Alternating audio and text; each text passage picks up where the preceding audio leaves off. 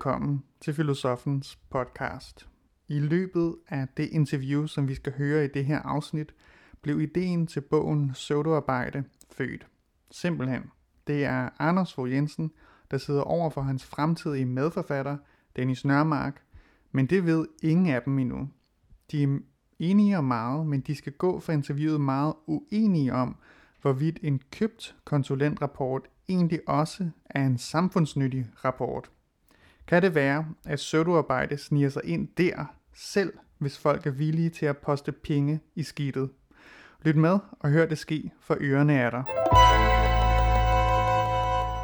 Ja, og hele den her diskussion om, hvorvidt selvtilrettelagte vidensmedarbejdere er effektive nok, den vil jeg meget gerne tage med her til aftens panel. Og aftens panel består faktisk alle tre af folk, der lige akkurat er selvtilrettelægte, lagte, undskyld, vidensmedarbejdere. Velkommen til dig, Anders Fogh Jensen. Du er filosof og forfatter til øh, blandt andet bogen Projektmennesket, øh, selvstændig, kan jeg vist også sige. Dennis Nørmark, velkommen til. Du er fuldbyrdet konsulent, men kommer fra øh, antropologi og er forfatter. Også velkommen til dig, Lars Olsen. Også selvstændig, har arbejdet i rigtig mange år på journalistisk arbejdsplads som journalist og også forfatter skarp jagttager af samfundet, kan jeg vist godt øh, sige. Hvad siger I til de her pointer grundlæggende, at vi har en bund i arbejdsmarkedet, der groft sagt bliver pisket mere og mere. Det er øh, fabriksarbejdere, socioassistenter osv., osv., osv., fordi deres arbejde er meget let at måle og veje. Og så har vi en bund, eller røv, en top, som muligvis bestiller mere, muligvis bestiller mindre. Vi ved det ikke. Lars Olsen, hvad tænker du om selv? Jamen, jamen, jeg, jamen jeg, jeg synes, det er befriende, altså at, at, fordi i virkeligheden har, er der nogle forskelle i arbejdslivet, som øh, han sætter nogle meget gode ord på. Så kan man diskutere om, om han gør det præcist og lidt skarpt øh, trukket op og sådan noget. Men grundlæggende, så er det jo mærkeligt, at vi tilbringer øh, en stor del af vores tid på, arbejds, øh, øh, i, på arbejdspladsen, og øh, vi har, det er også en rigtig vigtig del af vores identitet, hvad vi laver. Men vi snakker bare meget lidt om, at der stadigvæk er nogle meget, meget store forskelle. Øh, hvor meget indflydelse har vi på vores arbejde, og hvilke frihedsgrader har vi på vores arbejdsplads. Og der er altså forskel på, om du er rengøringsassistent, eller sygeplejerske, eller du arbejder i mediebranchen, eller øh, er akademisk konsulent. Anders Fogh Jensen, hvad siger du til, til den her diskussion eller den teori, som Roland Poulsen har? Altså, jeg synes, han giver en meget sjov øh, heuristisk model, altså en model at tænke med, hvor han siger, at måske er det dem, der tjener mindst, som egentlig bidrager øh, mest, og dem, der tjener mest, som, som bidrager noget mindre. Og det, øh, det tror jeg er, er, faktisk er ret rigtigt øh, set. Det, som man måske kan sige, det er, at det er et lidt gammeldags øh, arbejdsbegreb, han har i forhold til os øh, mere veluddannede også. Øh, fordi øh, at, at vi kan jo ikke, det er jo ikke sådan noget med, at vi går hen på arbejdspladsen, og så arbejder vi. Vi arbejder jo på en måde hele tiden. Og, og det kan godt være, at vi så også øh, laver private ting på arbejdet, men jeg skal da love for, at vi også laver arbejde øh, i, i privaten. Og så sent som i, i, i går aftes var der et indslag i TV-avisen, hvor man, hvor man netop påpegede, hvor mange øh, der bruger deres øh, sommerferie på at, at tjekke mails. Og sådan. Men her taler du netop typisk om dig selv og om øh, vidensmedarbejdere osv., ja. for det er jo ikke typisk for en industriarbejder for eksempel. Nej, nej. Altså der har vi stadigvæk med det gamle arbejdsbegreb at gøre. Det er også det, som man kan måle meget bedre, og som man derfor bedre kan køre de her New Public Management øh, optimeringer ind over. Fordi de er, det er meget mere kvantitativt, hvor for, for os andre er det det kvalitative, der er meget mere afgørende. Men Dennis Nørmark, hvad siger du til det her, som jeg sagde, du kommer fra, øh, fra et konsulenthus, fra konsulentverdenen. Er øh, effektiviseringsbølgen gået hen over hovedet på jer? Nej, men jeg tror også, jeg er meget enig, det Anders siger, fordi det er, det er et meget forældet sådan, industribegreb om, at, at, det er, at, at det, man producerer, det er sådan meget klar vare, der kommer ud den anden ende. Det er sådan, at nogle af de ting, som jeg og mine kolleger de producerer, det er ikke så nemt at måle og veje, det er ikke så nemt at se. Nej, det er lige præcis hans påstand, og det er også derfor, det er meget men, svært at men, se, om det er effektivt. Jamen, hvorfor skal det bedømmes på nogle, nogle kriterier, som er meget gammeldags? Altså, de her mennesker... Det er jo der, fordi, man får en løn fra morgen til aften, og selvfølgelig, jamen, fordi, og meget ofte er den jo høj. Jamen, nogen vil jo betale os for den løn. Nogen vil jo rent faktisk give penge, så det vil sige, det er en eller anden form for produktivitet, en eller anden form for værdi må det jo have for nogle mennesker. Det kan godt være, det ikke har nogen værdi i en meget traditionel gammeldags forståelse af det, men der er jo så kommet et værdisystem, der rent faktisk mm. værdsætter det, der bliver produceret. Så du siger, at I bliver bare stridet ud, hvis I ikke er effektiv nok i virkeligheden?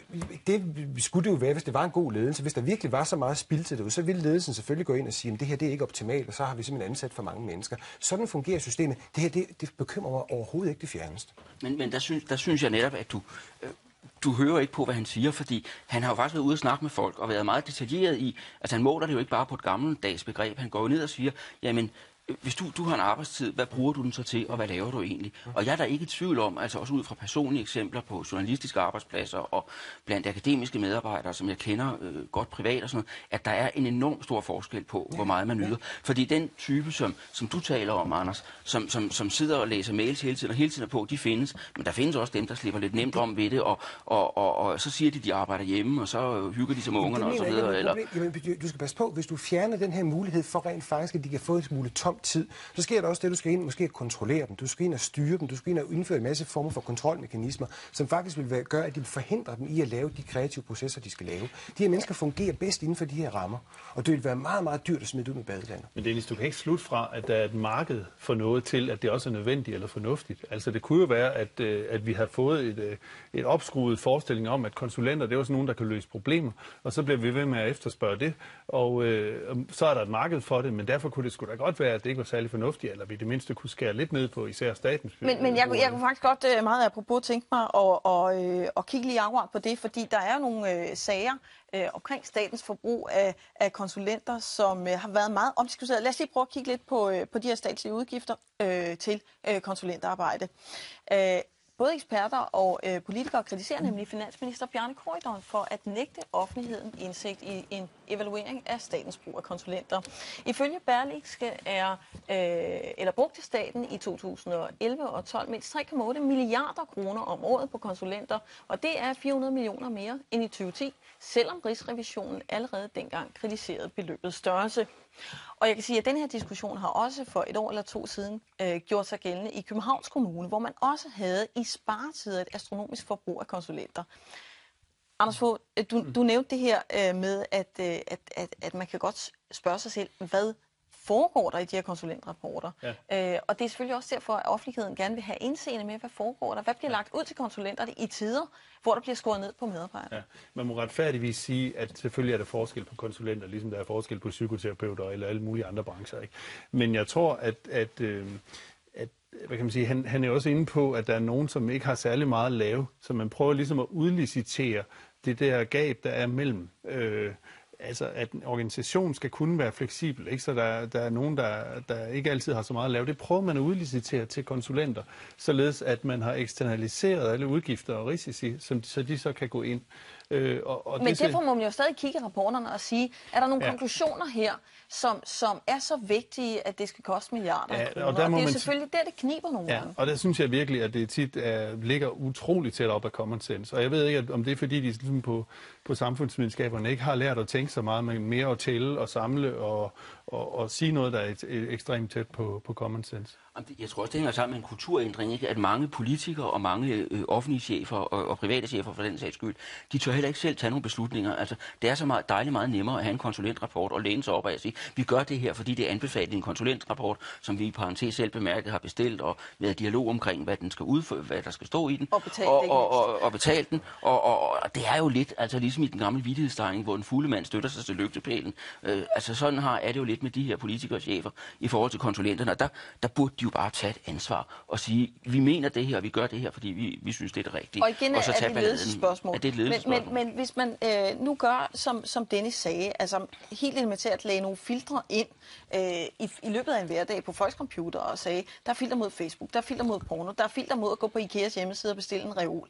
Hvad, altså, er du så enig med Dennis i, at, at, at så ville kreativiteten ryge, eller sådan kan man ikke, om jeg så må sige, behandle disse åbenbart rådne æg, som kreative vidensmedarbejdere er? Uh, det, det, tror jeg, det tror jeg heller ikke på. Der er jeg faktisk enig med Dennis. Altså, fordi vi kan, vi kan også se inden for mange, meget af den offentlige sektor, alle de der kontrolforanstaltninger, de er, de er gået øh, over gevind. Men hvordan jeg, finder vi så ud af, hvad folk jo, egentlig For eksempel en lille detalje. Altså, jeg har selv fra personlig kendskab til arbejdspladser, som jo både nogle, jeg selv har været på, og nogle af mine øh, nære venner har været på, hvor, man, hvor man, cheferne har strammet op over det, for det der med at arbejde hjemme. Hvor i starten var det sådan, så rigtig mange, at især dem højere oppe i systemet, de kunne skrive i kalenderen, at de arbejdede hjemme. Men nu er det så blevet, jamen hvad er det egentlig, du skal lave? Og kom lige ind og se, forklare mig lidt om hyggeligt, hvad er det?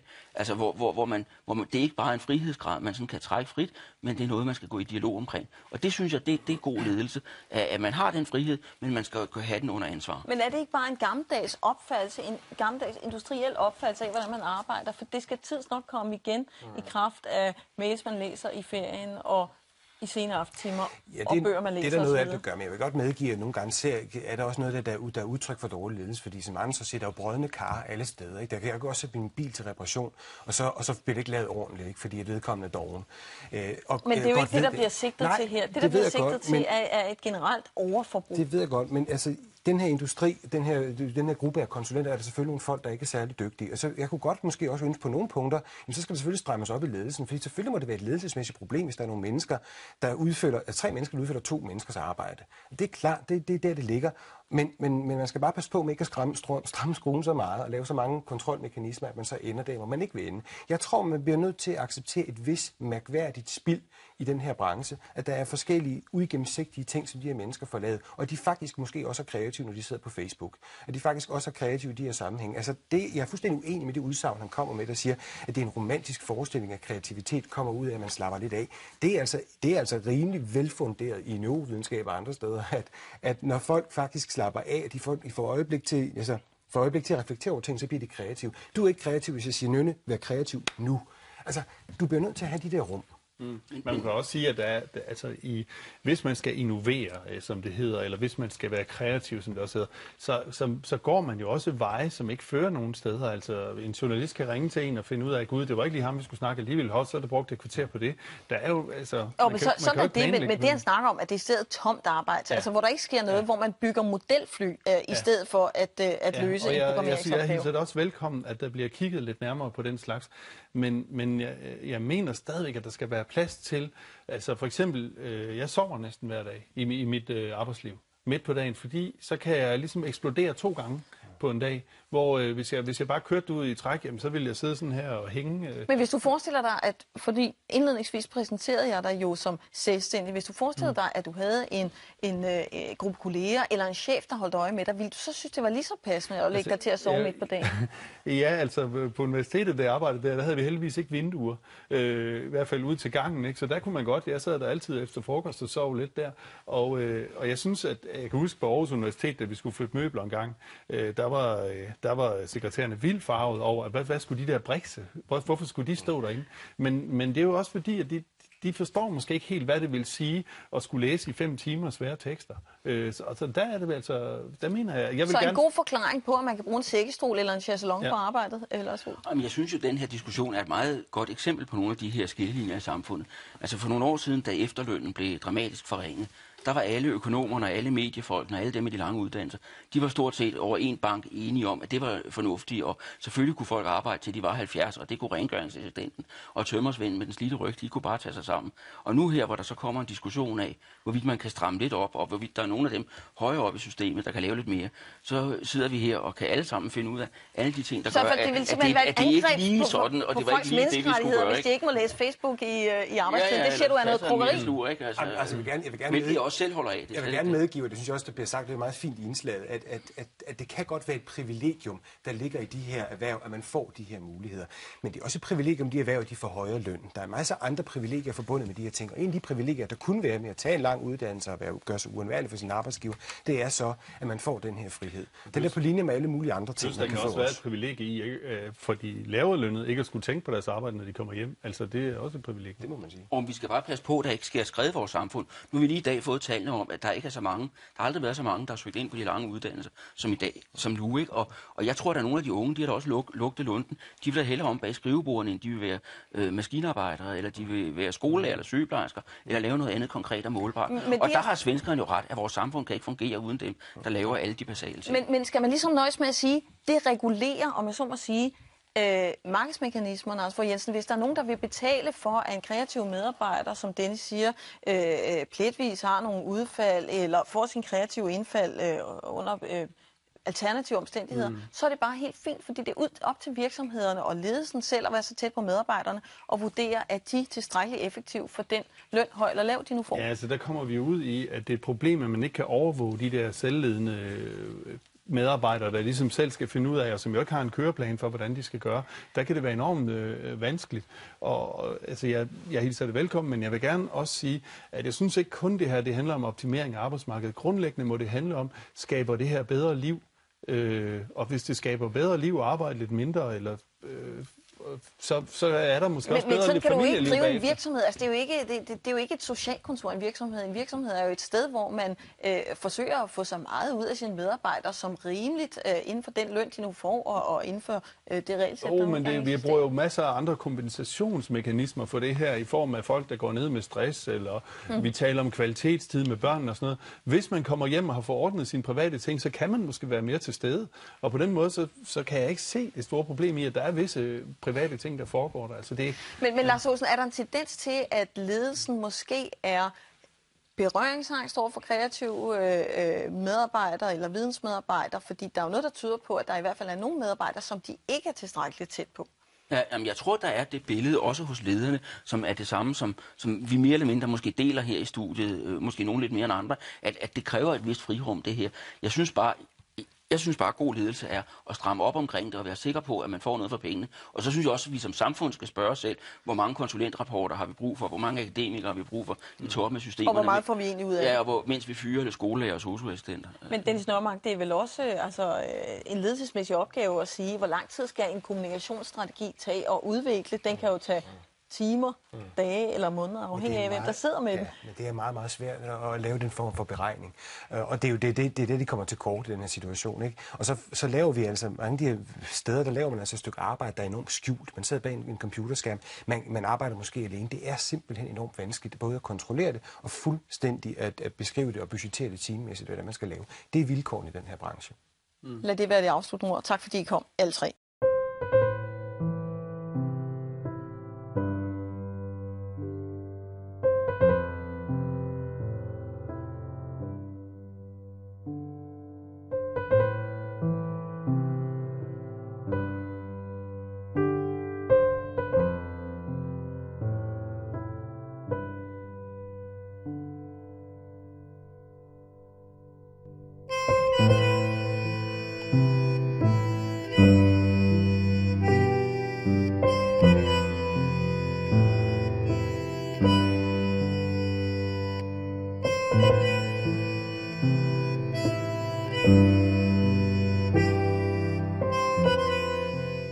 Du har lyttet til Filosofens podcast. Se mere på min hjemmeside filosofen.dk og tag med mig på dannelsesrejse. Se dannelsesrejser.dk. Mit navn er Anders Fogh Jensen. Tak fordi du lyttede med.